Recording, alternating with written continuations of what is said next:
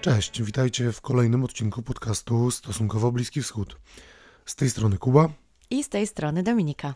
i dzisiaj mamy dwa bardzo ważne tematy. Po pierwsze, będziemy dzisiaj w Libanie. A po drugie, e, będziemy dziś w Izraelu. Przygotowaliśmy da, dla Was e, dużo materiału na dzisiaj. Mamy nadzieję, że będzie dla Was ciekawy. Dla nas jest bardzo interesujący. Em, mamy em, w sumie dwie rozmowy dotyczące Libanu. E, jedną z panem profesorem Ożarowskim, którego już zresztą z naszych podcastów znacie, a drugą Z Rubą, która jest Libanką, nie mieszkającą co prawda w tym momencie w Libanie, ale Ruba ma w Libanie rodzinę i jeździ do niej, rodziców dokładnie, i jeździ do nich często ostatnio. Dowiecie się dlaczego.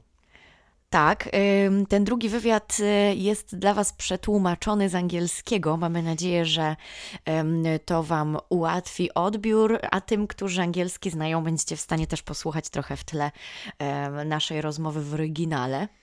Y, Drugi temat, który poruszamy dla Was w tym odcinku, to kwestia okupacji e, i Izrael. Także temat e, bardzo trudny, ale mamy nadzieję, że także dla Was interesujący. Tak, a naszym rozmówcą e, jest dr Jerzy Wójcik, niezależny analityk zajmujący się właśnie kwestiami Izraela i Palestyny. Tak, i konfliktu również. E, I Jerzy jest naszym gościem chyba po raz pierwszy, no ale na pewno też nie ostatni. Tak. Zaczynamy więc od rozmowy z Rubą. Hi Ruba, fantastycznie. Cześć Ruba, fantastycznie Cię słyszeć w naszym podcaście. Hi, Dominica. Thank you. uh, Cześć Dominika, dzięki, że mnie zaprosiliście. Podcast. So, uh, what's the situation in Lebanon right now? We. Powiedz, jaka jest sytuacja w Libanie. Słyszymy, że w kwestii ekonomii i warunków życia ludzi jest bardzo źle. Czy mogłabyś podać nam jakieś przykłady i opowiedzieć, co się tam naprawdę dzieje w tym momencie? Could you, could you give us a, some examples and, and tell what's, what, what's happening there now? Mhm. Uh, so currently the economic situation is really bad. It's like a crisis. Obecnie sytuacja ekonomiczna jest naprawdę zła, jak w kryzysie. Ludzie nie mogą sobie pozwolić na zakup towarów pierwszej potrzeby przez kurs dolara. Po eksplozji, która, jak wiecie, wydarzyła się w Bejrucie w zeszłym roku, sytuacja się drastycznie pogorszyła. Było źle już wcześniej, ale po eksplozji sięgnęło to już dna. Wcześniej amerykański dolar kosztował 1500 funtów libańskich. Dzisiaj jest to już 12 tysięcy. Nie wiem nawet jak to porównać. Nie jest to dwa czy trzy razy więcej. To jest po prostu za dużo. Teraz ludzie nie mogą sobie pozwolić na zakup produktów, bo wszystko importują z zewnątrz. Not even the double, the triple, it's too much. Um, so now people are not able to afford buying products because we import everything from outside. Um, and Czy trudno jest więc przeżyć? it's difficult to make a living because now of the virus situation, uh, people lost their jobs, most of them. Um, Trudno jest przeżyć, a do tego z powodu wirusa ludzie stracili pracę w większości. Ludzie, którzy mieli już pieniądze na kontach, nie mogą ich wybrać, bo płaci się im w dolarach, a banki nie wypłacają teraz tej waluty. Wypłacają tylko funty i po kursie 4000 do jednego. Więc jeśli chcesz kupić dolara, to wydajesz 12 tysięcy, a jak chcesz sprzedać, to dostajesz jedynie 4. sell it, it's 4,000.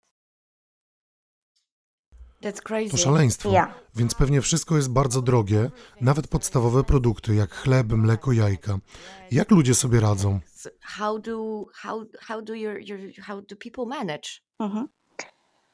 Yeah, exactly. So people are not able to afford buying milk, for example, for their. I Tak, dokładnie. Ludzie nie mogą sobie pozwolić na przykład na zakup mleka dla ich dzieci. Mam wielu przyjaciół, którzy mają dzieci i nie mogą dostać mleka w proszku, które wcale nie jest dobrej jakości. Nie mogą sobie na to pozwolić, a to naprawdę przeciętni ludzie. Nie są bardzo biedni. Po prostu ich pieniądze nie mają już żadnej wartości i nie mogą za nie nic kupić. Oprócz tego, przez zniszczony port nie otrzymujemy odpowiedniej ilości produktów z zagranicy, a tak bardzo jesteśmy zależni od importu. Na rynku pojawiły się więc podróbki bardzo kiepskiej jakości. Ludzie nie mają jednak innego wyboru i muszą je kupować. W przyszłym tygodniu jadę do Bejrutu i zabieram wiele podstawowych produktów dla moich rodziców, takich jak właśnie mydło do zmywarki, sól, bo mm, sól dostępna w Libanie zawiera mnóstwo piasku, jest aż tak kiepskiej jakości. Zabieram im też ryż, bo silos, w którym przechowywano ryż w porcie, został zupełnie zniszczony podczas eksplozji. Destructed from the explosion. And what's the situation with the with the A jaka jest sytuacja z koronawirusem, z pandemią? Czy ludzie w Libanie bardzo cierpią z jego powodu? Albo są jakieś szczepionki? Or are there any any vaccines? Um, yeah, there are vaccines. They're um, now. Tak, są szczepionki i ludzie przyjmują je jak w innych krajach. Głównie e, dostają Pfizera, ale oczywiście jest ich mało i nie każdy może ją dostać. Musisz się zarejestrować, ale czasami po ciebie nie zadzwonią albo zdarzy się coś innego. E, na przykład nie mają wystarczającej liczby dawek, by zaszczepić zapisanych. Ale ludzie otrzymują szczepionki za darmo, bo płaci za nie rząd. Sytuacja ze szczepieniami nie jest naprawdę zła, choć mogłaby być lepsza. by the government. Um, it's it's not really bad the vaccine um, situation, but it can be better. I mean. A powiedz nam, bo wspomniałeś o eksplozji, wszyscy o niej przecież słyszeli. Czy wcześniej sytuacja była lepsza? A jeśli tak, to dlaczego eksplozja ją tak pogorszyła? Albo może w inny sposób. Czy gdyby eksplozja się nie wydarzyła, Liban i tak wpadłby w tak głęboki kryzys? Hmm. Um, Myślę, would- że coś by się wydarzyło. Jeśli nie eksplozja, to coś innego. Coś, co sprawiłoby, że jest aż tak źle. Liban i tak zmierzał w kierunku kryzysu. Nawet przed eksplozją produkty były bardzo drogie, bo system władzy jest zły. Ludzie u władzy są jak szefowie mafii. To wataszkowie z czasów wojny. Rządzą nami tak, że to tylko pogarsza sprawę. Ta władza musi odejść. Dlatego mieliśmy takie protesty, rewolucje przed eksplozją.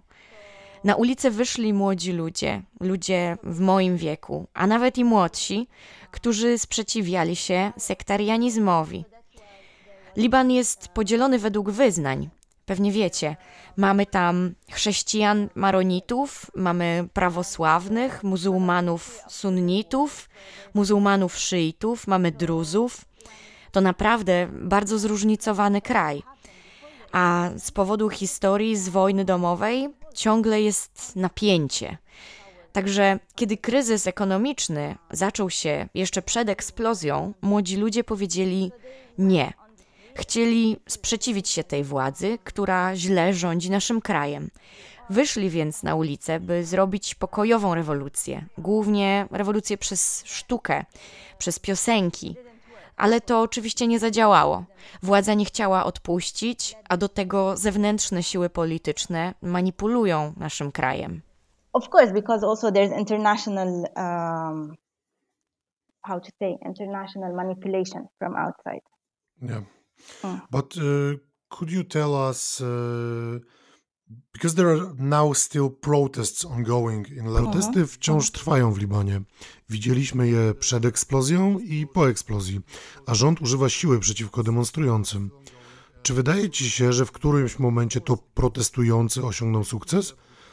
Co ludzie właściwie chcą osiągnąć tymi protestami? Or so maybe first, what do people want to achieve from the protests? Okay. Um, Nie mogę wam powiedzieć, czy ludzie osiągną sukces, czy nie. Nie mam tak dużej politycznej wiedzy na ten temat, ale wydaje mi się, Okej. że ludzie chcą nowego rządu. Chcą, by rządzili nami em, młodzi ludzie, em, ludzie z wiedzą, e, ludzie, którzy znają się na tym, wiedzą co robić, a nie jacyś 80-latkowie em, czy 90-letni prezydent, który nie wie, jak sobie poradzić. Dlatego właśnie mm, protestują.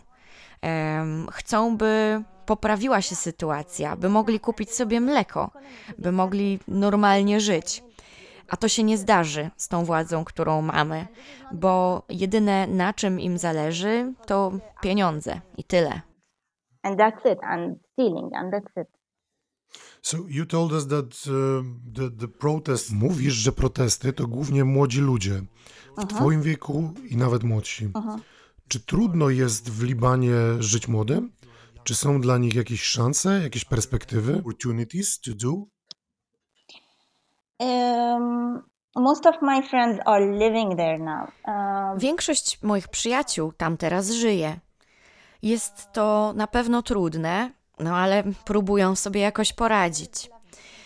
E, Inni opuścili kraj, znaleźli pracę za granicą. Mamy wielu emigrantów z Libanu na całym świecie. To prawdziwy drenaż mózgów.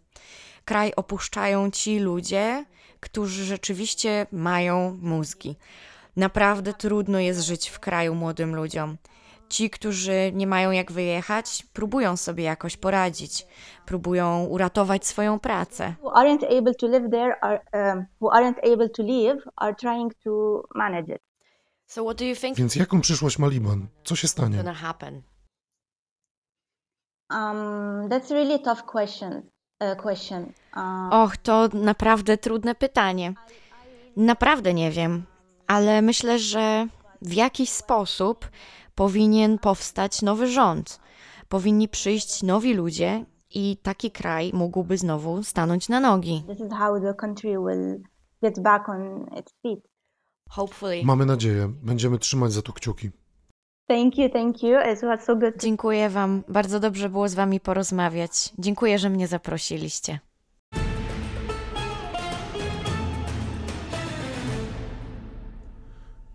Więc mieliście teraz okazję zapoznać się z Libanem z oczu Libanki. A teraz przechodzimy do rozmowy z profesorem Rafałem Użerowskim z Wyższej Szkoły Administracji i Biznesu w Gdyni. Dzień dobry, panie profesorze. Bardzo miło znów pana gościć w naszym podcaście. Dzień dobry.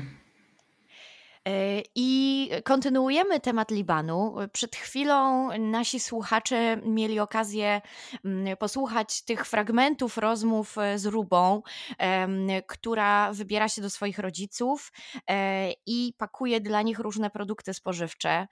Strasznie, dla mnie strasznie się tego słuchało, kiedy ona mówi, że Libańczyków nie stać już na, na mleko, na jajka, na ryż, na makaron, na podstawowe produkty. Jak to się stało, że tak naprawdę jest tak źle? Co się stało z tym Libanem? Proszę nam to wszystkim wytłumaczyć. Przede wszystkim to jest postępujący efekt y, tej całej zapaści gospodarczej, która gdzieś tam y, y, trwa tak naprawdę wiele, wiele lat, ale szczególnie dała o sobie znać w takim kulminacyjnym momencie, który pewnie wszyscy pamiętamy w sierpniu ubiegłego roku, kiedy doszło do wybuchu tych y, kilku ton salety amonowej w porcie w Bejrucie i w zasadzie zniszczyło to sporą część miasta. No, wtedy świat, jakby to tak delikatnie mówiąc, usłyszał o Libanie ponownie. E, No i te wszystkie problemy takie gospodarcze, egzystencjalne ujrzały światło dzienne i można było w sumie wówczas uświadomić sobie, że e, no, sytuacja jest dramatyczna. No ale to było praktycznie e, niecały rok temu, powiedzmy 9 miesięcy temu.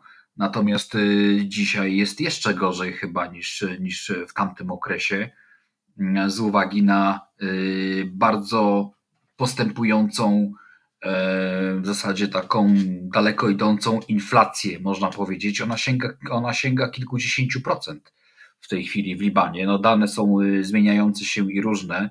Natomiast dewaluacja waluty jest dramatyczna na czarnym rynku, bo oficjalnie kurs teoretycznie się trzyma, jeśli chodzi o tego funta libańskiego, natomiast na czarnym rynku, który odzwierciedla faktyczną jego wartość, no kurs sięga w tej chwili już około y, między 14, 15, a może nawet i więcej tysięcy funtów za jednego dolara, w zasadzie czyniąc tą walutę po prostu bezwartościową. Zresztą ja nawet miałem okazję kiedyś tu u Państwa wspominać e, już ładnych parę tygodni temu, że przecież w Libanie walutą obiegową obok funta jest dolar.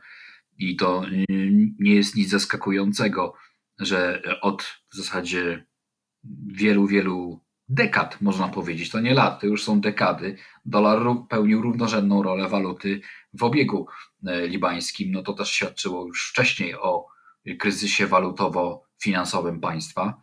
E, natomiast no dzisiaj praktycznie mamy e, sytuację dramatyczną z jeszcze innych powodów, ponieważ Liban jest strasznie zadłużonym państwem.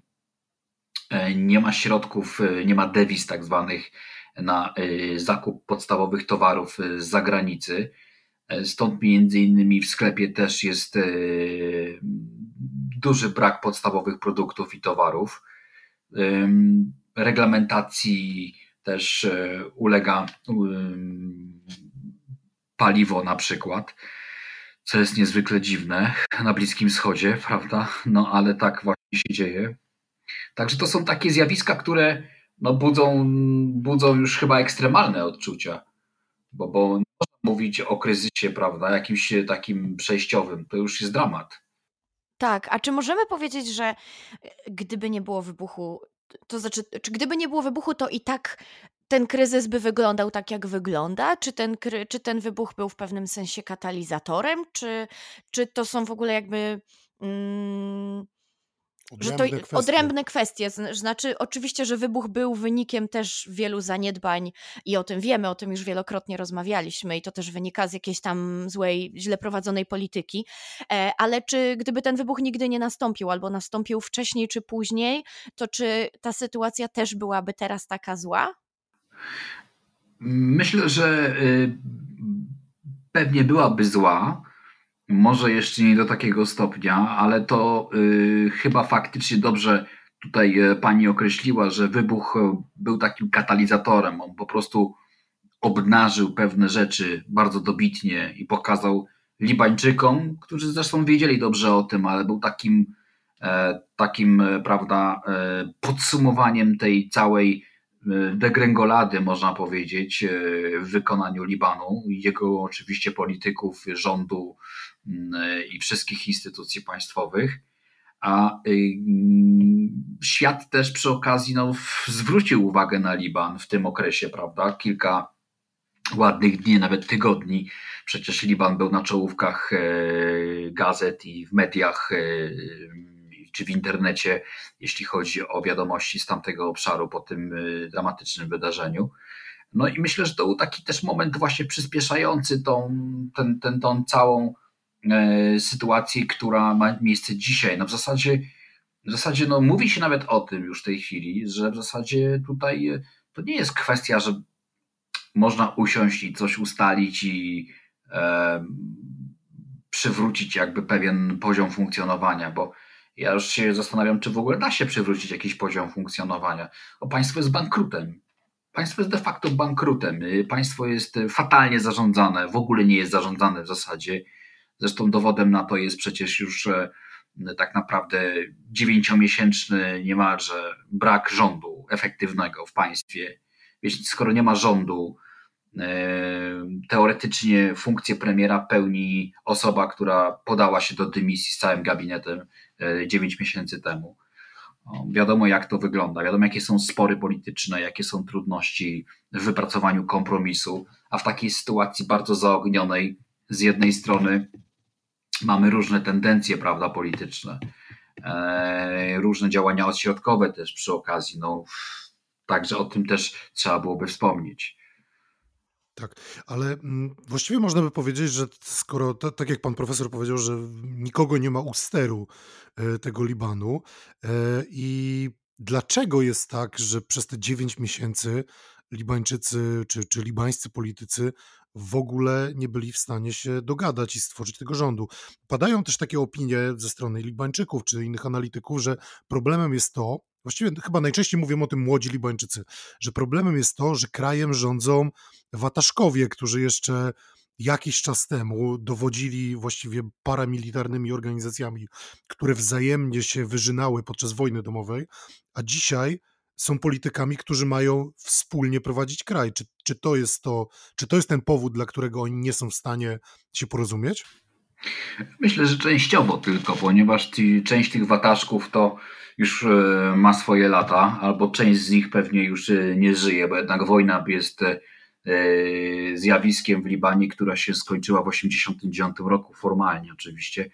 No, to jest ponad 30 lat temu.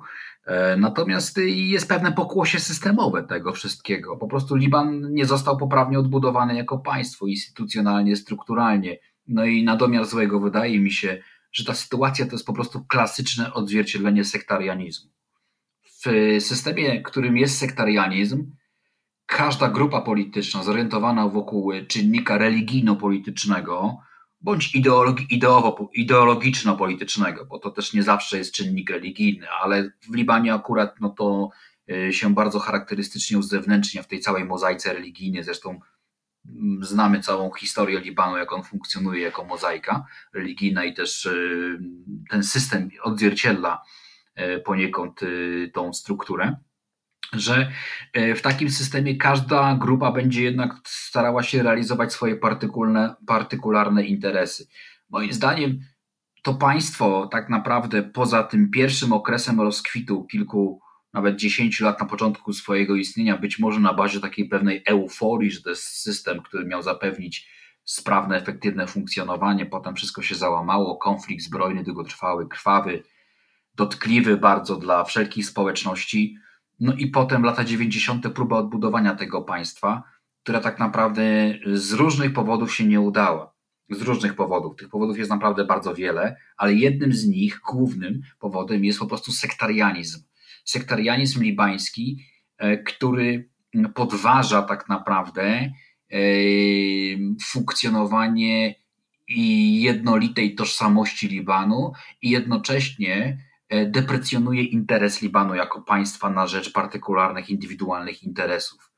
E, z sektarianizmem idzie oczywiście w parze klientelizm, e, idą różne partykularne relacje, wzajemne interesy, które odbijają się kosztem na zwykłych obywatelach, Libańczykach, no ale w tej chwili już doszliśmy chyba do ściany, bo już mm, moim zdaniem po prostu, ja powiem tak kolokwialnie trochę, że polityka Libanu zaczyna zjadać własny ogon w tej chwili.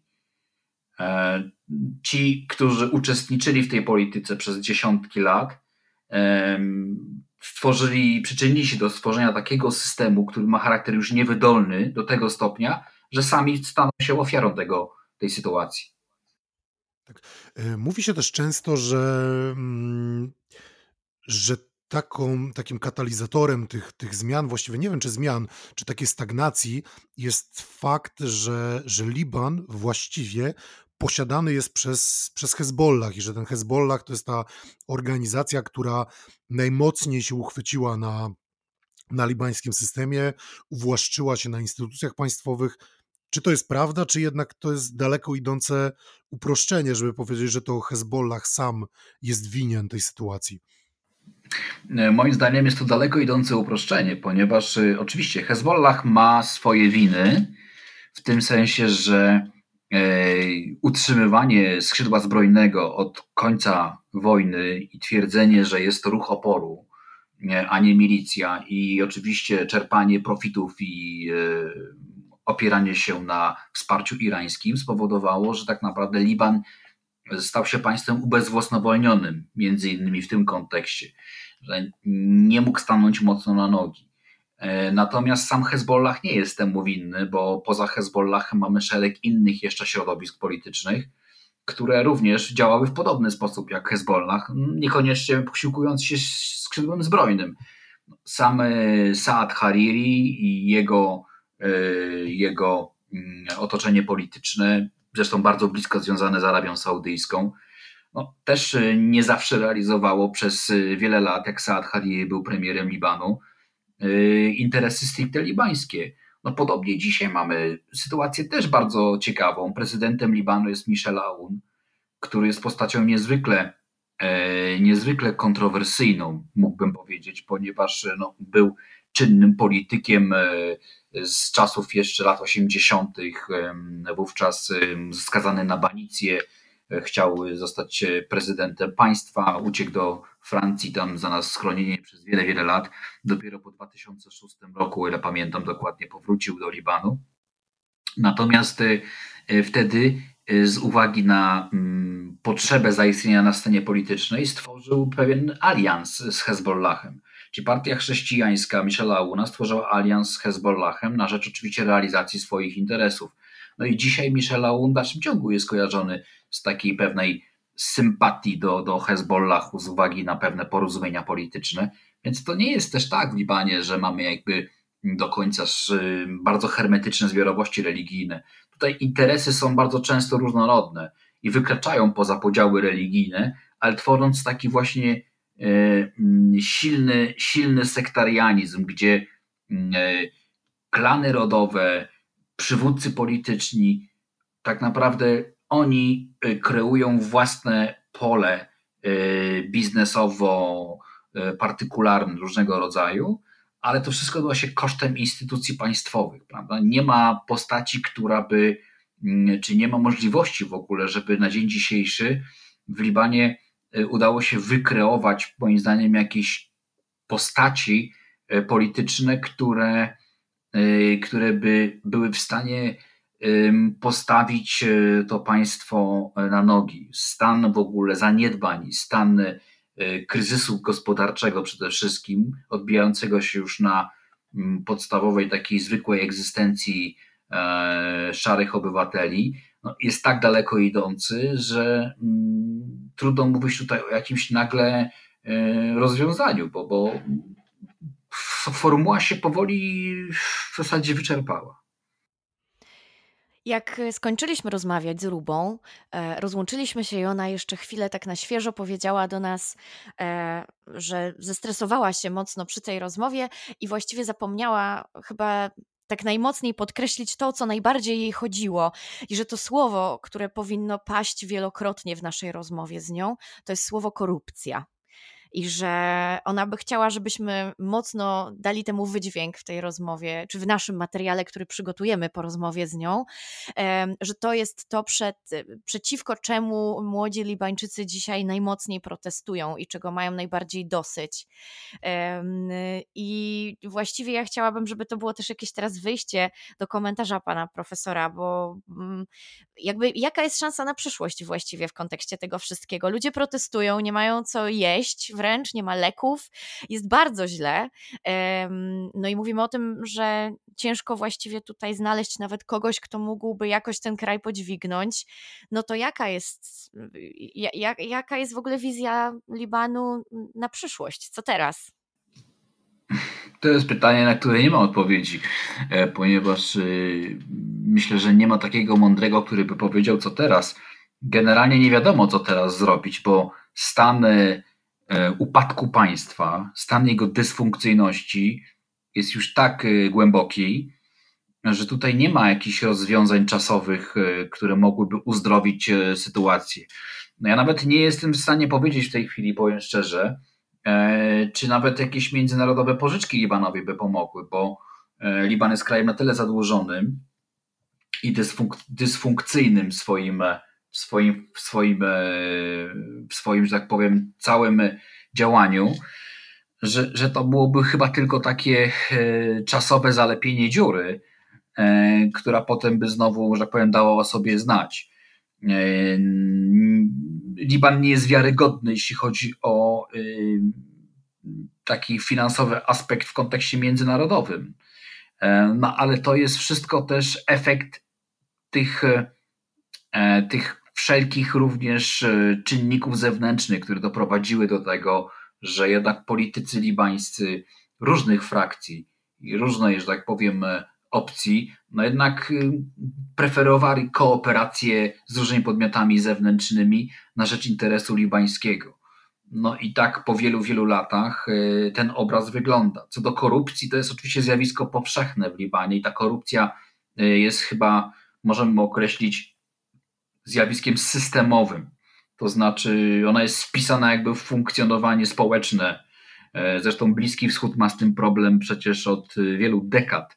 To nie jest kwestia nowa w Libanie. To tak samo jest w wielu innych państwach na Bliskim Wschodzie, e, szczególnie państwach arabskich, jeśli mówimy o arabskim Bliskim Wschodzie. E, to coś, jest coś, co na porządku dziennym występuje. A w sytuacjach kryzysowych, kiedy no, w zasadzie każdego dotyka y, problem egzystencjalny, prawda, problem finansowy, ta korupcja się uaktywnia jeszcze bardziej, na jeszcze większą skalę, bo y, no, tak jak tutaj pani powiedziała, brak lekarstw, y, które są sprowadzane z zagranicy, oczywiście w dużej mierze, powoduje to, że żeby zdobyć takie lekarstwo, no to trzeba gdzieś zapłacić komuś, kto ma jakieś dojście do takich środków medycznych, a wiadomo, że mm, jakimiś kanałami to jeszcze gdzieś tam pewnie można uzyskać, albo ktoś ma jakieś zapasy i potem gdzieś to sprzedaje. Tego typu sytuacje oczywiście mm, będą się jeszcze bardziej nawarstwiać, bo im kraj jest y, z, mm, w jakimś stopniu e, tutaj gospodarczo, e, gospodarczo dysfunkcyjny, im kraj jest y, w stanie większego upadku, tym ta korupcja będzie dawać o sobie coraz bardziej znać i ona będzie miała jeszcze większą siłę no bo każdy będzie próbował coś załatwić dla siebie. To jest jakby taki efekt trochę nawet, y, nawet normalny, można powiedzieć, y, w takich trudnych sytuacjach. Y, I, I to jest takie działanie społeczne, które się wpisuje właśnie w takie bardzo sytuacje dramatyczne, powiedzmy w stanie jakiegoś ogromnego kryzysu, gdzie jest deficyt towarów różnego rodzaju, gdzie jest reglamentacja towarów, gdzie jest szalejąca inflacja i spadek wartości waluty no, praktycznie z dnia na dzień.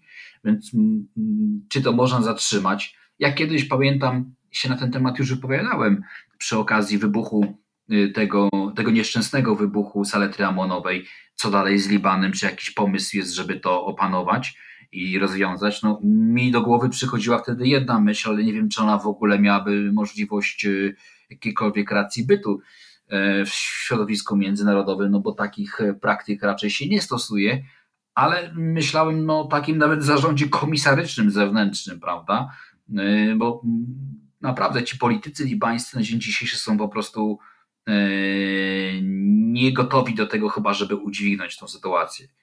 Ten kraj się po prostu rozpadnie na, na jakieś takie małe poletka, powiedzmy, zarządzane przez różne jakieś drobne grupy zbrojne mogą być, bo to też się może uaktywnić w ten sposób, że im jeszcze większy kryzys będzie, im większa frustracja, tym po prostu yy, określone grupy i klany rodowe będą jeszcze bardziej broniły swoich interesów. No, żeby chociaż siebie ratować w tej trudnej sytuacji, kiedy wszystko jest już do stracenia.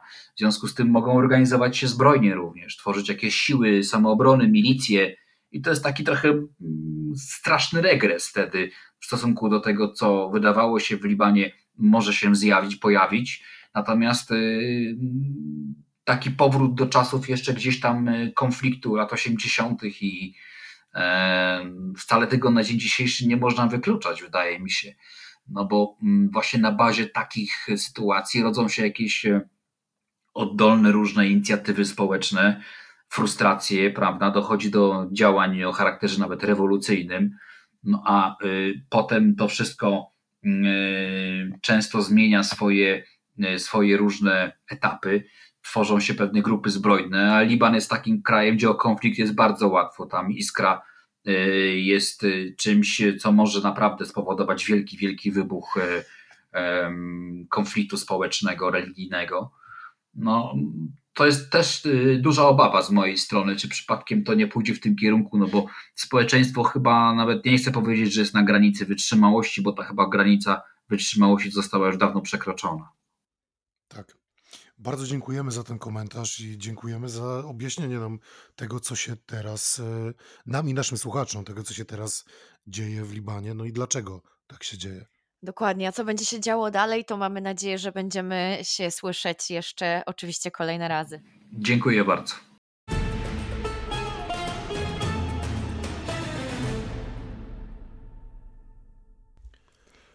Dziękujemy, że nas słuchaliście i chcielibyśmy też z tego miejsca od razu podziękować naszym patronom z patronej.pl, bo to dzięki Wam możemy tworzyć nasz podcast i naszego bloga to dzięki Wam możemy się rozwijać, e, możemy przeprowadzać tego typu wywiady, rozmowy e, i mamy oczywiście apetyt na więcej. E, więc jeżeli tylko chcielibyście nas wesprzeć, jeszcze tego nie robicie, zastanawiacie się nad tym, czujcie się przez nas jak najbardziej do tego zaproszeni, zachęceni, odwie odwiedźcie nasz profil na mm, stronie patronite.pl. Tam, gdy wpiszecie stosunkowo Bliski Wschód, możecie wybrać odpowiedni próg wsparcia. Za każdy każdy czeka dla Was e, też e, jakaś forma podziękowania z naszej strony. Zapraszamy Was. Całe nasze przedsięwzięcie jest tak naprawdę realizowane dzięki Waszemu wsparciu. Tak, a teraz przechodzimy do rozmowy o Izraelu, o okupacji, o konflikcie z Jerzym Wójcikiem. Cześć, bardzo miło, że zgodziłeś się e, wystąpić w naszym podcaście. Cześć Jerzy. Cześć, witam Was. E, I mamy bardzo ważny temat, bo to jest temat, który właściwie absorbuje opinię publiczną od lat i chyba jest takim konfliktem najbardziej medialnym, właściwie nie ostatnio, tylko od zawsze. I to jest. E, I dzieli też naszych czytelników i słuchaczy często, więc chcieliśmy się nad tym pochylić nieco głębiej. Tak, jest mocno polaryzujący i zaczniemy może od takich podstaw tego konfliktu może, może nie od podstaw, ale takiej fundamentalnej kwestii. Czy Izrael okupuje zachodni brzeg Jerozolimy Wschodnią i wzgórza Golan, czy też nie możemy tego nazywać okupacją? Jak to wygląda od, od strony prawnej? Bo właśnie wielu Izraelczyków i zwolenników Izraela mówi, że, że okupacja jest kłamstwem i tej okupacji nie ma. Z kolei zwolennicy Palestyńczyków mówią, że to jest bardzo brutalna okupacja, a nawet Sąd Najwyższy Izraela często w swoich wyrokach, e, może nie często, ale czasami w swoich wyrokach, nazywa to wojowniczą okupacją. Więc jak to jest? Witam Państwa przede wszystkim, jakby się chyba nie do końca przywitając Państwa wszystkim. E, natomiast e, powiem tak. Jak słyszę w ogóle, jakby ktoś, ktoś mnie pyta o okupacji, to od razu mnie ciarki przechodzą, ponieważ wiem, że będzie z tego kłótnia, bo tak to się z reguły kończy. Dlatego dzisiaj troszeczkę, troszeczkę na spokojnie do tego podejdziemy. Nie będę się trzymał jakichś definicji prawnych, bo tak Kuba powiedziałeś, jakby to nie, do niczego nas, nas nie doprowadzi. Natomiast nie boję się używać słowa okupacja z tego względu, że już Ariel Sharon nawet używał tego słowa. To znaczy, jakby jeżeli prawicowy polityk, który był na czele Likudów w 2005 roku używał tego słowa okupacja e, i potem wycofał się ze strefy gazy, no to mam, mam świadomość tego, że mm, że jest to dopuszczalna forma w tym momencie nawet dla prawicowych izraelskich polityków, żeby używać takiej, takiej, takiej formy mówienia o zachodnim brzegu czy, czy, czy strefie gazy. Sytuacja jest skomplikowana, powiem wam, kochani, bo mm, ja powiem, spytam tak, dlaczego, dlaczego tak naprawdę o, o, okupacji nie mówiło się do 67 roku, prawda? Do momentu, w którym te tereny były po stronie jordańskiej czy egipskiej. E, tak więc jakby tutaj, prawda, wtedy się nie mówiło o okupacji. E, wtedy także się nie mówiło za bardzo o Palestyńczykach, mówiło się o ludności palestyńskiej i spójrzmy, Palestyńczycy uzyskali, e, uzyskali status narodu dopiero w latach 70 prawda? Ponieważ mówimy tu o rozpoznaniu Palestyńczyków jako takich przez społeczność, przez społeczność międzynarodową. Mówimy o ONZ, które nadało im niejako status narodu, a tym samym przyznało prawo do samostanowienia. I od tego czasu możemy mówić do, dopiero o jakby walce czy próbie Palestyńczyków do, do, dojścia do własnego państwa. Więc w tym momencie zaczynamy dopiero mówić, czy postrzegać tę sytuację jako sytuację, w której Izrael niejako przejął kontrolę nad teren, terytoriami palestyńskimi, ale jest to sytuacja w tamtym czasie, na przykład lata 70-80, analogiczna do sytuacji, którą może nie analogiczna, tuż wcześniej, bo analogiczna do tego, na przykład jak mają, jak, jaką sytuację mają Baskowie w Hiszpanii. Kiedy także właściwie włączą, e, walczą o własną niepodległość, czy o odłączenie się od Hiszpanii, a Hiszpania w zasadzie blokuje im tą możliwość. Bo musimy mieć świadomość tego, że w momencie, w którym tworzy się naród, w sytuacji takiej, jak byli Palestyńczycy, e, kiedy tworzy się naród, to rzeczywiście nabywa on prawo do samostanowienia, ale jednocześnie państwo, stoi to w konflikcie z inną normą prawa międzynarodowego publicznego, a mianowicie z integralnością danego państwa. Państwo ma obowiązek dbać o własną integralność I w zasadzie nie znam przypadków, w którym jakiekolwiek państwo by stwierdziło, a to, to może my ten kawałek tego naszego państwa oddamy, a wy sobie tam róbcie co chcecie, prawda? Tak w zasadzie chyba nigdy się nie, nigdy się nie działo, więc, więc mamy tutaj na, na, na, na kanwie prawa międzynarodowego w zasadzie takie dwie jednostki prawne, które są ze sobą w jawnym konflikcie. Prawo do samostanowienia i prawo, prawo do integralności danego państwa. I z tym problemem się w zasadzie także właśnie Hiszpania boryka, czy inne kraje, które mają w zasadzie grupy etniczne, które mają poczucie już odrębności, odrębności narodowej i chcą niejako tworzyć własne państwo. I Palestyńczycy dokładnie byli w tym samym punkcie przed latami 70. W latach 70. uzyskali prawo do samostanowienia i odkąd, odtąd mówimy o powolnej drodze do budowania własnego państwa, ale nie, nie chciałbym dzisiaj stwierdzić, że izraelska okupacja Mm. żeby nie zabrzmiało to źle, ani dobrze też, może nie powinniśmy się nie powinniśmy się jakby tego bać. Izraelczycy zostali niejako postanowieni, postawieni w takiej, a nie w innej sytuacji i dzisiaj nazywanie tego permanentną, czy jakby okupacją, która jest, która została zrobiona w złej, w złej wierze, jest błędem. Po prostu w wyniku wojny 67 roku Izrael zajął tereny jordańskie i egipskie które ewoluowały w tym kontekście do tego, ażeby stać się państwem palestyńskim, ale Izraelczycy w żaden sposób, jakby to powiedzieć, nie było w złej woli w tym, ażeby te tereny okupować. Była to konsekwencja wojny sześciodniowej. Więc kiedy myślę o tym, czy, czy istnieje w tym momencie izraelska okupacja terenów zachodniego brzegu, E, istnieje ona. Natomiast z reguły przy, przy takich dyskusjach, kiedy rozmawiam, rozmawiałem jeszcze w przeszłości bardzo często właśnie o, o kwestii palestyńskiej e, e, niezależności i, i izraelskiej okupacji, to bardzo często następnym zdaniem u osoby, która argumentowała, że izraelska okupacja jest taka niedobra, padało to, że izraelska okupacja musi zniknąć i to rozwiąże wszystkie problemy. Otóż, otóż nie, to nie rozwiąże żadnych problemów. Znaczy, miejmy świadomość tego, że izraelska okupacja w momencie, w którym znika, nie mamy żadnego, e, żadnego pozytywnego scenariusza e, e, rozwoju tej sytuacji i widzieliśmy to dokładnie w 2005 roku, kiedy było wycofanie ze strefy gazy. Może na chwileczkę skończę, bo wiem, że mogę tak gadać i ciągnąć tą właśnie Spokojnie, spokojnie. Ale powiedz, bo ja pociągnę e, trochę jeszcze cię za język w tej kwestii, bo jeżeli mm, właściwie mówisz, że ta kwestia okupacji jest tak jednoznaczna, to... W sensie ona mm, istnieje, ta okupacja? W sensie, że jednoznacznie możemy stwierdzić, że ona na pewno istnieje, y, to dlaczego jest tak wiele głosów, które ten stan negują? Jakby, czy to jest kwestia propagandy, to jest kwestia edukacji, czy to jest jeszcze jakaś inna przyczyna? Znaczy, ja bym nie chciał powiedzieć, że wiele neguje, że, że wiele osób neguje. Znaczy, wiele osób ma różne podejście do tej kwestii. Ja znam osobiście wielu osób, nawet z prawej strony sceny politycznej, która przyznaje, że rzeczywiście okupacja istnieje i jest to problem. Jest, znam wielu prawicowych polityków, którzy by też stwierdzili dzisiaj, że najchętniej to Izrael by się po prostu powinien wycofać ze strefy gazy, y, z zachodniego brzegu i unormować tą sytuację. Oczywiście zachowując e, osiedla czy osady, osady izraelskie na, na zachodnim brzegu.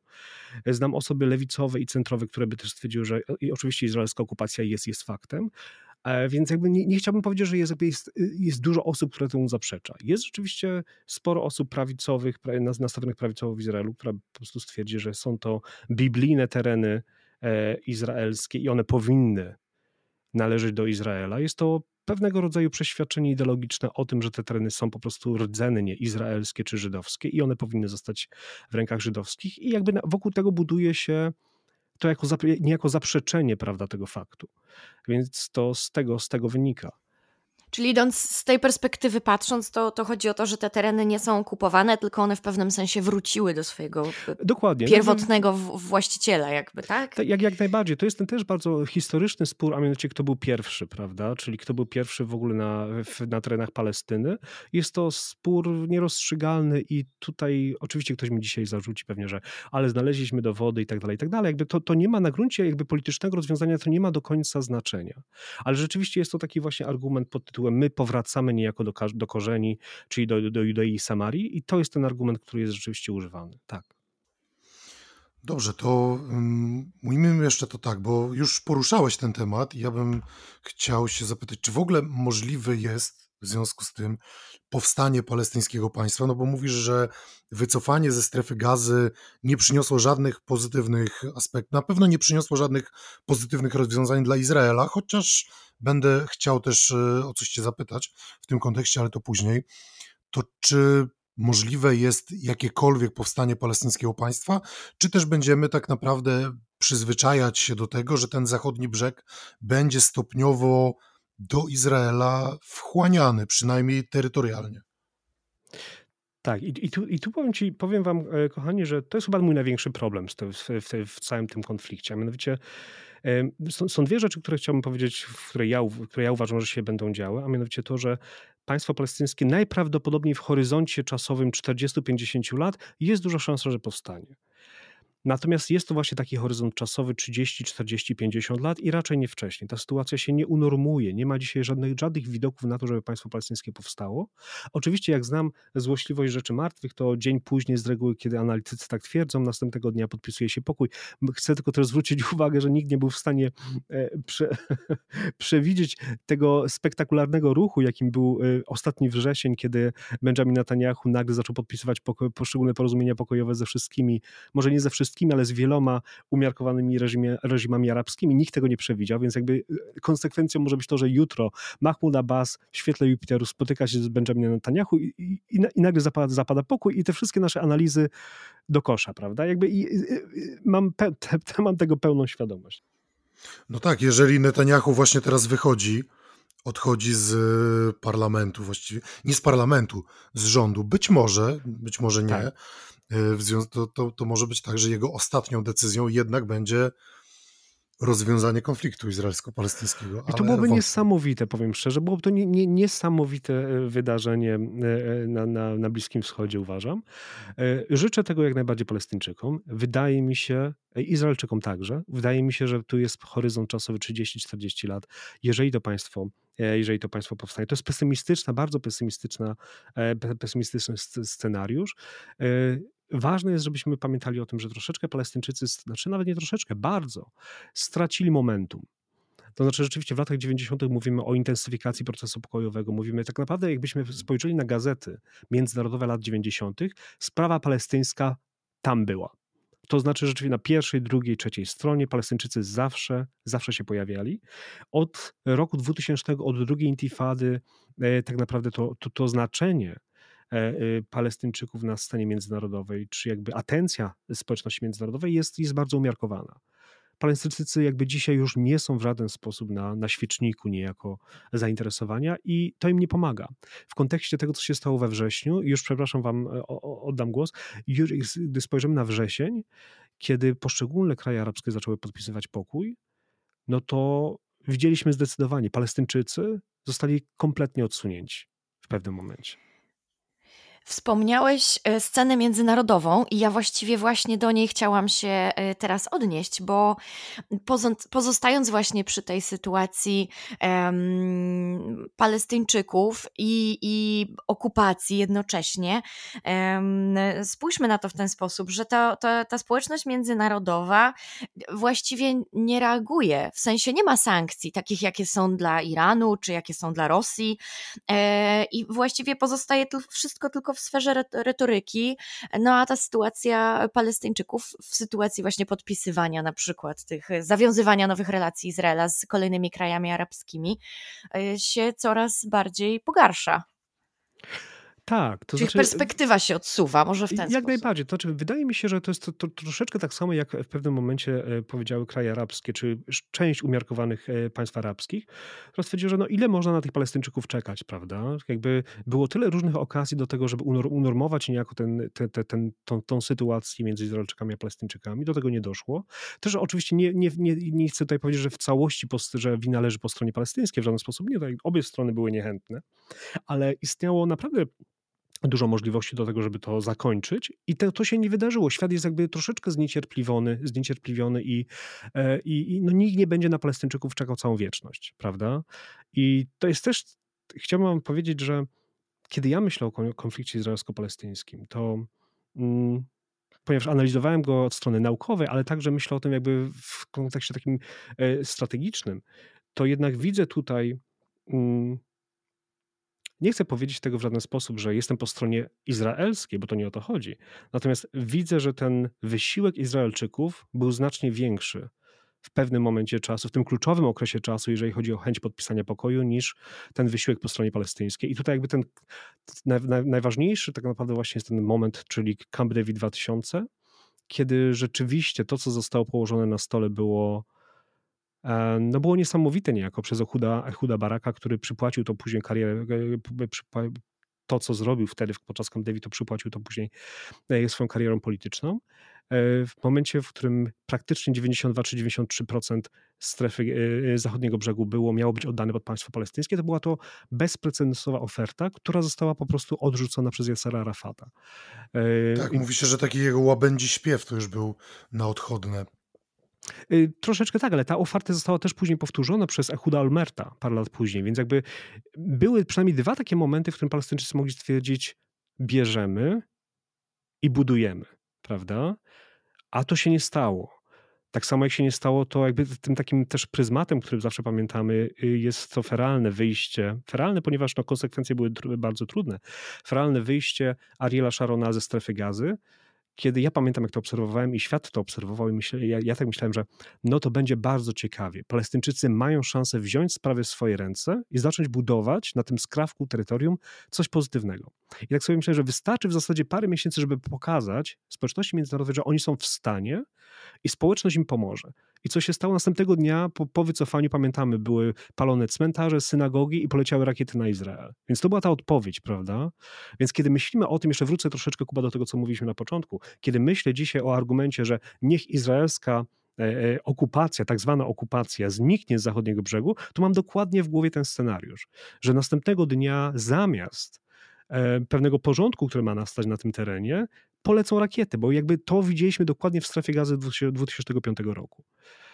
Troszeczkę odjechałem od o czym rozmawialiśmy, ale, ale chciałem do tego nawiązać, więc wrócę jeszcze troszeczkę do, do, tego, do tego punktu w Camp David 2000. Jest to rzeczywiście kluczowy moment w moim przekonaniu, jeżeli chodzi o rozumienie procesu pokojowego. Palestyńczycy to odrzucili, w jakimś sensie, w dużym sensie nie byli w stanie podpisać tego pokoju, czy Yasser Arafat zamknął się w takiej przestrzeni, e, gdzie kompromis był, w zasadzie nawet minimalny kompromis był e, niemożliwy i to jest pewien fera, pewna feralna sytuacja, która nastała w tamtym czasie. Społeczność międzynarodowa, ponieważ od tego żeśmy wyszli, e, jest niejako zmęczona tym wszystkim, tak samo jak Arabowie. Tak, ale ja bym chciał właśnie nawiązać do tego pytania Dominiki o społeczność międzynarodową, bo Międzynarodowy Trybunał Karny uznał w lutym, że z jego punktu widzenia Palestyna jest państwem. No bo Palestyna jest sygnatariuszem statutu rzymskiego, Izrael nie. Więc w związku z tym Trybunał Karny uważa, że może rozpatrywać zbrodnie wojenne, potencjalne zbrodnie wojenne, popełniane przez Izraelczyków i Palestyńczyków, ale na ziemiach palestyńskich. Czy to jest jakiś game changer, czy tak naprawdę to nic nie zmieni, bo przecież Izraelczycy i tak uważają, że Międzynarodowy Trybunał Karny nie ma tu jurysdykcji, więc nic się nie stanie. No więc troszeczkę jakby odpowiedziałeś na to pytanie. Znaczy Izrael nie uznaje, nie uznaje, że nie uznaje tej jurysdykcji, więc tutaj nie, nie wydaje mi się, że jakby doszło do pewnej jakiejś zasadniczej zmiany. Znaczy pamiętajmy, że i ty też Kuba bardzo dobrze pamiętacie to zresztą, przecież to jakby te, te takie oskarżenia izraelskich poszczególnych generałów o zbrodnie wojenne, czy o e, tam była nawet kwestia legalności poszczególnych interwencji izraelskich w strefie gazy, że to jest przedmiotem dyskusji już przynajmniej od 10 lat. Y, i nie ma konsekwencji w kontekście politycznym dla Izraela. Izrael tego będzie, nie, nie będzie tego uznawał, więc nie wydaje mi się, żeby tu doszło do jakiejś takiej naprawdę e, zmiany, bardzo mocnej zmiany, jeżeli chodzi o, o, o, o zmianę sytuacji w kontekście, w kontekście tych procesów. Tak mi się wydaje. Palestyńczycy też oczywiście próbują mm, znaczy to, co Palestyńczycy robią już od, od wielu, od 15 lat praktycznie, to jest to, żeby przekonać społeczność międzynarodową, poszczególne kraje przede wszystkim, do tego, żeby jednostronnie uznały państwo palestyńskie jako takie. I rzeczywiście im się nie, w niektórych państwach udało to przeforsować. Także jest, jest parę krajów europejskich, która uznała Palestynę jako, jako taką. Tylko pytanie jest takie, czy to naprawdę pomoże? Czy to jest w stanie przekonać Izraelczyków do tego, ażeby dzisiaj siedli i, porozum- i, i, to, i to porozumienie pokojowe podpisali? ponieważ w jakim kształcie mają go podpisać? Jeżeli w 2005 roku to, co zaoferował e, Ehud Barak w postaci 93 czy 2% zachodniego brzegu, brzegu Jordanu było niewystarczające, to my dokładnie wiemy, jaka jest pozycja palestyńska. Palestyńska pozycja Mahmuda Abbasa i społeczności palestyńskiej jest jasna. 100% zachodniego brzegu, 100% strefy gazy, dokładnie powrót do granic 67 roku. Prawda? I na to żaden izraelski polityk się nie zgodzi. Bo miejmy No to świadomość... jeżeli jednocześnie Mhm. Przepraszam, dokończ. Proszę, proszę, nie, nie, nie, słuchaj, rozmawiamy. Bo Jest. chodzi mi o to, że em, z jednej strony właśnie jest to w pewnym sensie pad, tak jak mówisz. E, Na to się żaden izraelski polityk nie zgodzi. To jest to, czego żądają Palestyńczycy, ale równocześnie mówimy, że mówisz, że te 30-50 lat dajesz e, konfliktowi jeszcze i, i potem nastanie jakaś forma pokoju. Albo jakiegoś, zobaczymy. No albo zobaczymy. Ale to po, powiedz, czy pokusisz się o jakąś taką prognozę, jaka by była droga do tego pokoju, jakby się to miało zdarzyć? To jest trudne. No, bez ja, wątpienia. Ja, ja, ja, by nie, ja by nie wykluczał tutaj żadnej opcji. To może być też opcja jordańska, chociaż Jordania też się nie pali w żaden sposób do tego, żeby się, żeby się z tym tematem e, w jakikolwiek sposób zmierzyć, ale może być to jakaś tam forma quasi współpracy z Jordanią przy, przy tym wszystkim. No, Gideon Sar kiedyś zasugerował, że państwo palestyńskie może powstać, ale na pewno nie między rzeką Jordan a morzem, a może na terytorium jordańskim. No więc właśnie. No Jordania są można takie, by tak. sugerować, że w pewnym momencie zacznie to być dla niej chyba jeszcze bardziej palący problem, bo po prostu Palestyńczycy zaczynają przewyższać ilościowo Jordańczyków w Jordanii, prawda? No więc właśnie, więc tutaj inaczej, jak myślimy o perspektywie 30-40 lat, no to jest to nieprzewidywalne. Ja, ja widzę na horyzoncie gdzieś możliwość powstania państwa palestyńskiego, ale na pewno nie w granicach 67 roku, znaczy jakby przy mocnej modyf- modyfikacji tej granicy. Jestem w stanie sobie wyobrazić na poziomie 90%, 85%, chociaż powiem wam, że miałem taką bardzo ciekawą rozmowę jakiś czas temu z z moim szwedzkim kolegą, który specjalizuje się w terenach palestyńskich i powiedział mi: Słuchaj, my musimy pamiętać o tym, że w niektórych terenach palestyńskich 1 czy 2% terenów zachodniego brzegu, który nam się wydaje, że co to jest 1 czy 2%, może się okazać, że w perspektywie gospodarczej ma przeliczenie na 10, e, 10% e, GDP. I to rzeczywiście jest tak, że my tak e, w- sobie, że tak powiem, bez, bezrefleksyjnie czasem myślimy o tym, że to jest 92 czy 4%, co za różnica. Rzeczywiście to może mieć, może mieć znaczenie zasadnicze, ale taka jest rzeczywistość. Jakby, ja pamiętam, słuchajcie, jak bardzo dobrze też pamiętacie, jak, jak, jak czytaliśmy, ponieważ nie możemy tego pamiętać, ale jak czytaliśmy o powstaniu państwa Izrael, prawda, kiedy e, mamy 48 rok, e, czy w zasadzie 47, ponieważ mówimy o, de, o decyzji, o decyzji u, e, e, ONZ-u, prawda, kiedy mamy 47 rok i Żydzi w Palestynie dostają pewną część terytorium, z której na pewno nie byli zadowoleni, ponieważ nie było tam nawet Jerozolimy. Ale decyzja była prosta, prawda? Bierzemy to, co nam dali i budujemy. Tak, raczej taka perspektywa, byleby wsiąść do tego autobusu, a potem już się łokciami po trochu będziemy rozpychać. I to jest właśnie to, czego Palestyńczycy się nie podjęli, czy, czy co odrzucili. Dokładnie. Czy, czy się rozpychać później, czy nie? Po prostu jakby e, e, Żydzi w Palestynie stwierdzili, nie jest to idealne, jest to daleko od tego, co chcemy, ale bierzemy, prawda? Czy się będziemy rozpychać później, czy nie, to trudno powiedzieć, po prostu bierzemy i budujemy. Tutaj dokładnie, Palestyńczycy jakby muszą niejako dostać 100% tego, co chcą. No i tak niestety świat nie funkcjonuje. Słuchajcie, no bo żadne granice, czy żadne państwa, które, które powstawały, nawet jakby spójrz, spójrzmy na naszą historię. Myśmy przecież też nie powstali po II wojnie światowej w Polsce jako Polska sprzed wojnia, prawda? Nie powstaliśmy w tych samych granicach. Było ogrom, ogrom niesprawiedliwości, były, były osoby, które były przesiedlone ze wschodu na zachód. Jakby no, te granice musiały ulec zmianie. Był, to, co, że Polska powstała w takiej granicy, było efektem pewnej międzynarodowej międzynarodowych uzgodnień, które oczywiście nie były sprawiedliwe. Może mogliśmy być z tego kompletnie niezadowoleni i byliśmy z tego kompletnie niezadowoleni, ale dostaliśmy kawałek naszego państwa i jechaliśmy dalej, dalej, prawda? Palestyńczycy nie. Tu jest jakby takie zaparcie się rękami i nogami przez władze, przede wszystkim władze palestyńskie, że musimy dostać 100%. I problemem, słuchajcie, jest to, że to było dokładnie widoczne podczas Camp David 2000 roku, kiedy to jest taki słynny cytat, słuchajcie, go bardzo często powtarzam, jak mam tylko okazję, żeby zilustrować pewną rzecz. Kiedy Yasser Arafat y, y, siedzi w gabinecie Clintona i Clinton już w zasadzie taki zrezygnowany kompletnie mówi, ale dostajesz 93%.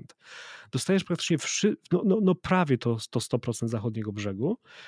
I, I wtedy Arafat mu odpowiada, panie prezydencie, gdybym zrezygnował, gdybym podpisał pokój w takim kształcie, następnego dnia zostałbym zamordowany. To są bardzo znamienne słowa, e, które on wtedy wypowiedział, które mogą być, słuchajcie, które mogą być prawdziwe. Bo to jest kwestia właśnie taka, że w momencie, w którym nie zmienia się retoryki wobec własnego społeczeństwa przez 20-30 lat i ugruntowuje się pewien, pewien, pewne, pewne przeświadczenie o tym, że tak, walczymy o Palestynę w 100% zachodniego brzegu, to można się spodziewać, że konsekwencją tego, jeżeli ja odejdę od tego jako przywódca palestyński, odejdę od tej, od tej narracji, to rzeczywiście konsekwencją będzie to, że ktoś mnie zamorduje. E, I tu jest właśnie problem. Słuchajcie, ja cofnę się jeszcze troszeczkę do tego do lat 80. E, Pamiętacie bardzo dobrze, jak w Izraelu tworzyły się, tworzyło się nowe myślenie o Palestyńczykach, lata 80., 90., jak, jak nowi historycy w Izraelu walczyli o własną narrację. Jak byli na samym początku tego procesu, jak byli marginalizowani. I dopiero, a to było społeczeństwo i to było społeczeństwo demokratyczne. I tam dopiero to zajęło 10 czy 12 lat do tego, żeby ten głos nowych historyków Izraelu był nie tylko słyszalny, ale akceptowalny. Oni byli przecież na początku bojkotowani w ogóle przez gremia, przez gremia e, naukowe. Było, minęło 10 lat i w końcu ten głos nowych historyków wybrzmiał i stał się niejako dominującą przepraszam, narracją w myśleniu o Palestyńczykach. Palestyńczycy nawet nie zaczęli tej drogi. Nawet do dzisiaj. Tam nie ma nurtu myślenia o tym, że musimy odejść. Znaczy, oczywiście są pewni lewicowi palestyńscy, palestyńscy e, intelektualiści, którzy tak od wielu lat tak mówią, ale jednak w tym głównym nurcie, nie, i szczególnie pośród elity palestyńskiej, nie narodziło się coś, co mogłoby dzisiaj być pewną taką drogą do zmiany narracji w myśleniu o tym, jakie są nasze realne cele. Dalej ugruntowuje się ten, to przekonanie, że mamy, musimy dostać 100% i tyle, więc nie spodziewajmy się, że kolejne przywództwo palestyńskie, w jakikolwiek kształcie ono będzie wyglądało po Mahmudzie Abbasie, będzie w stanie nagle powiedzieć: Słuchajcie, to musimy to nagle zmienić i musimy odejść od 100%. Bo to doprowadzi do rewolucji. To musi być powolny proces zmiany narracji w pośród Palestyńczyków, który się nawet jeszcze nie rozpoczął. Jeżeli on się dzisiaj rozpocznie, mówimy o 10-15 latach, żeby ten głos na tyle był na tyle wybrzmiał pośród społeczeństwa palestyńskiego, żeby on stał się niejako dominującą czy akceptowalną drogą w myśleniu o tym, jakie są koncesje, concession, zawsze po angielsku się mówi, prawda? Jakie są, jaki jest margines, margines ustępstw ze strony Palestyńczyków. Dzisiaj o tym rozmowy w ogóle nie ma. Ale jeżeli mówisz o zmianach, to warto by poruszyć mm, dwie kwestie. I myślę, że poruszymy je w dwóch osobnych pytaniach, ale więc najpierw bym chciał zadać pytanie o Palestyńczyków, bo miała przyjść zmiana albo chociaż jakaś możliwość zmiany, e, bo miały być wybory w tym miesiącu. Miały być wybory do Rady Legislacyjnej. Ale Mahmud Abbas powiedział, że właściwie Teoretycznie można chyba powiedzieć, że je odwołał. Na pewno je odsunął w czasie. Powiedział, że, że odsuwa je w czasie, dopóki Izraelczycy nie wyrażą zgody na to, by wybory odbyły się też w Jerozolimie Wschodniej, gdzie mieszka około 300 tysięcy Palestyńczyków, którzy nie są obywatelami ani Izraela, ani autonomii palestyńskiej. Więc czy może być tak, że Mahmud Abbas zdecydował się na odsunięcie tych wyborów w czasie, dlatego że bał się, że je przegra? No, ja mam nadzieję, że w końcu Mahmoud Abbas przede wszystkim rozpisze jakieś wybory, bo spójrzmy sobie, właśnie spójrzmy na jakby na to, od 16 lat Mahmoud Abbas prawda, nie rozpisał żadnych wyborów. Znaczy, rzeczywiście była jego kadencja czteroletnia i po, po, potem powinny być kolejne wybory, których nigdy nie rozpisał, więc pamiętam, jak te głosy na samym początku, że rzeczywiście Palestyńczycy są takim społeczeństwem bardzo demokratycznym i to nagle zostało ukrócone przez Mahmouda Abbasa. Więc tak, czekamy na kolejne wybory. Tak, myślę, że wszyscy w Palestynie i także w Izraelu czekają na nowe rozdanie pośród e, społeczności palestyńskiej. Ona, że te stare elity odejdą i przyjdą właściwie nowe, nowe palestyńskie elity. A Mahmoud Abbas oczywiście, że się boi. No, boi się tego, że co go spotka też później. E, tego też nie jest w stanie przewidzieć, więc no jest w takiej sytuacji, że hamuje wszystko, prawda? E, I, i, i odsuwa tę, tę możliwość. Znaczy, ja się nie dziwię, że odsuwa tę możliwość wyborów, ponieważ jest, te wybory będą nieprzewidywalne. Ja mam nadzieję, że dojdzie do zmiany, do zmiany y, przywództwa palestyńskiego i myślę, że to jest to też, na co Palestyńczycy czekają. A czy coś może zmienić ewentualna zmiana przywództwa izraelskiego? No bo Benjamin Netanyahu dzisiaj jest najdłużej urzędującym w historii kraju premierem, nieprzerwanie też. I czy możemy powiedzieć, że, no bo Benjamin Netanyahu wygrał wybory, owszem, ale nie udało mu się sformułować koalicji rządowej, więc w tym momencie rozmawiamy w piątek, do poniedziałku może nic się nie zmieni, może się coś zmieni, więc nasi słuchacze mam nadzieję, że będą mieli dalej aktualną wersję naszej rozmowy, ale się tego dowiemy. E, może być tak, że konkurencja Benjamina Netanyahu utworzy rząd i będzie to chyba najbardziej zróżnicowany rząd izraelski. Czy to może coś zmienić? To znaczy, nawet jeżeli Benjamin Netanyahu odejdzie ze sceny, izraelskiej sceny politycznej, bo w końcu będzie musiał odejść e, z tej sceny, znaczy nie będę tutaj wchodził o kwestię jego zarzutów prawnych, czy, czy, czy kwestii korupcji, która, która go gdzieś tam śledzi i ściga i pewnie to się też skończy w pewnym momencie w, w sądzie. Natomiast w kontekście politycznej sytuacji, w której jest Izrael, no to słuchajcie, to będzie zmiana z prawej strony na prawą stronę. Innymi słowy, nawet jeżeli stworzy się jakaś, jakaś nowa, może nawet informacja, ale tworzy się nowy przywódca już po Benjaminie Netanyahu, to będzie to pewnie Gideon Sar albo, albo inna prawicowa postać, prawda? Tutaj jakby nie ma, nie wydaje mi się, żeby była możliwość ruchu, czy zmiany tej koncepcji, czy strategii w ogóle polityki, nie wiem, z prawej strony na centru albo centrolewicową, ponieważ no, takich, te siły są zbyt słabe w Izraelu. Więc to, co, to, czego możemy się spodziewać, wydaje mi się, to jest znaczy, no, no zmiana z prawa na prawa, prawda? Czyli prawo będzie, prawa, prawa formacja, formacja prawicowa będzie kontynuowała to, co robił Benjamin Netanyahu, w różnych odsłonach oczywiście. To nie będzie taka sama kontynuacja, to będą różne, różne inne aspekty, ale czy naprawdę odejście Benjamin Netanyahu aż tak wiele zmieni? To jest pytanie, Kuba, które ja tobie zadaję w tym momencie. Tak szczerze mówiąc, wydaje mi się, że, że, że niewiele zmieni. To zależy jeszcze, kto, kto będzie u tego steru, ale wydaje mi się, że też jest pewna kwestia problemu w retoryce opozycji. Może to też dlatego Netanyahu się tak bardzo okopał, bo izraelska opozycja tak naprawdę główny program, jaki widzi, to to, żeby wysadzić Netanyahu z tronu. I widzę pewną analogię do tego, co się dzieje trochę w pewnym innym europejskim kraju, który wszyscy znamy, ale e, właśnie to jest, to jest problem, moim zdaniem, izraelskiej opozycji, że oni nie bardzo widzą, co się stanie po wysadzeniu Netanyahu z tronu. I to jest, to jest jedyne, co widzą, więc wydaje mi się, że przez to niewiele się zmieni.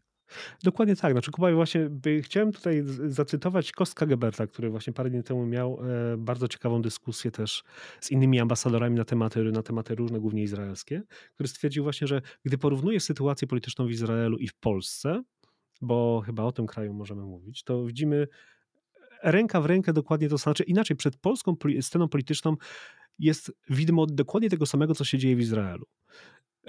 czyli opozycja, która jest y, kompletnie nie, nieskoordynowana, która nie ma w zasadzie żadnego pomysłu na to, co chce dalej zrobić, nie ma dalej pomysłu na to, nawet jeżeli Kaczyńskiego, czy, czy prawicę, czy, czy PiS e, wysadzi z siodła władzy, co ma, nad, co ma po nich ochotę zrobić, więc jakby ta sytuacja jest bardzo paralelna w Izraelu i w Polsce, co się dzieje na, e, w kontekście opozycji.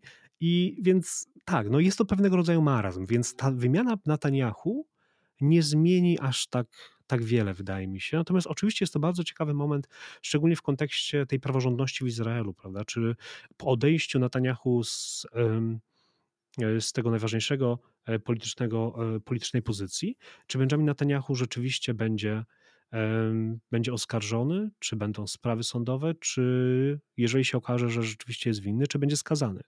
To będzie bardzo ciekawa sytuacja. E, patrząc na, izraelskie, na izraelską historię, to widzieliśmy Ehuda Almerta, który był skazany prawomocnym wyrokiem sądu i spędził, z tego co pamiętam, chyba 16 miesięcy w więzieniu e, za korupcję, prawda? Więc jakby tutaj widzę, no widzę tą taką trudną przyszłość przed Benjaminem Netanyahu, jeżeli oczywiście się potwierdzą zarzuty wobec, wobec niego. No cóż, zobaczymy, jak się to wszystko potoczy. Y, Ja pozwolę sobie na koniec wrócić do tego, co powiedziałeś w pewnym momencie, że kiedy analitycy mówią, że na pewno się to nie stanie, to właśnie na drugi dzień po publikacji się coś dzieje. Y, Zobaczymy, y, co w takim razie spotka nas we wtorek, kiedy rano wstaniemy. A dzisiaj bardzo dziękujemy Ci za naszą rozmowę i serdecznie Cię oczywiście pozdrawiamy. Mamy nadzieję, że do usłyszenia. Dziękuję Państwu, dziękuję Wam, kochani, i do usłyszenia. Cześć.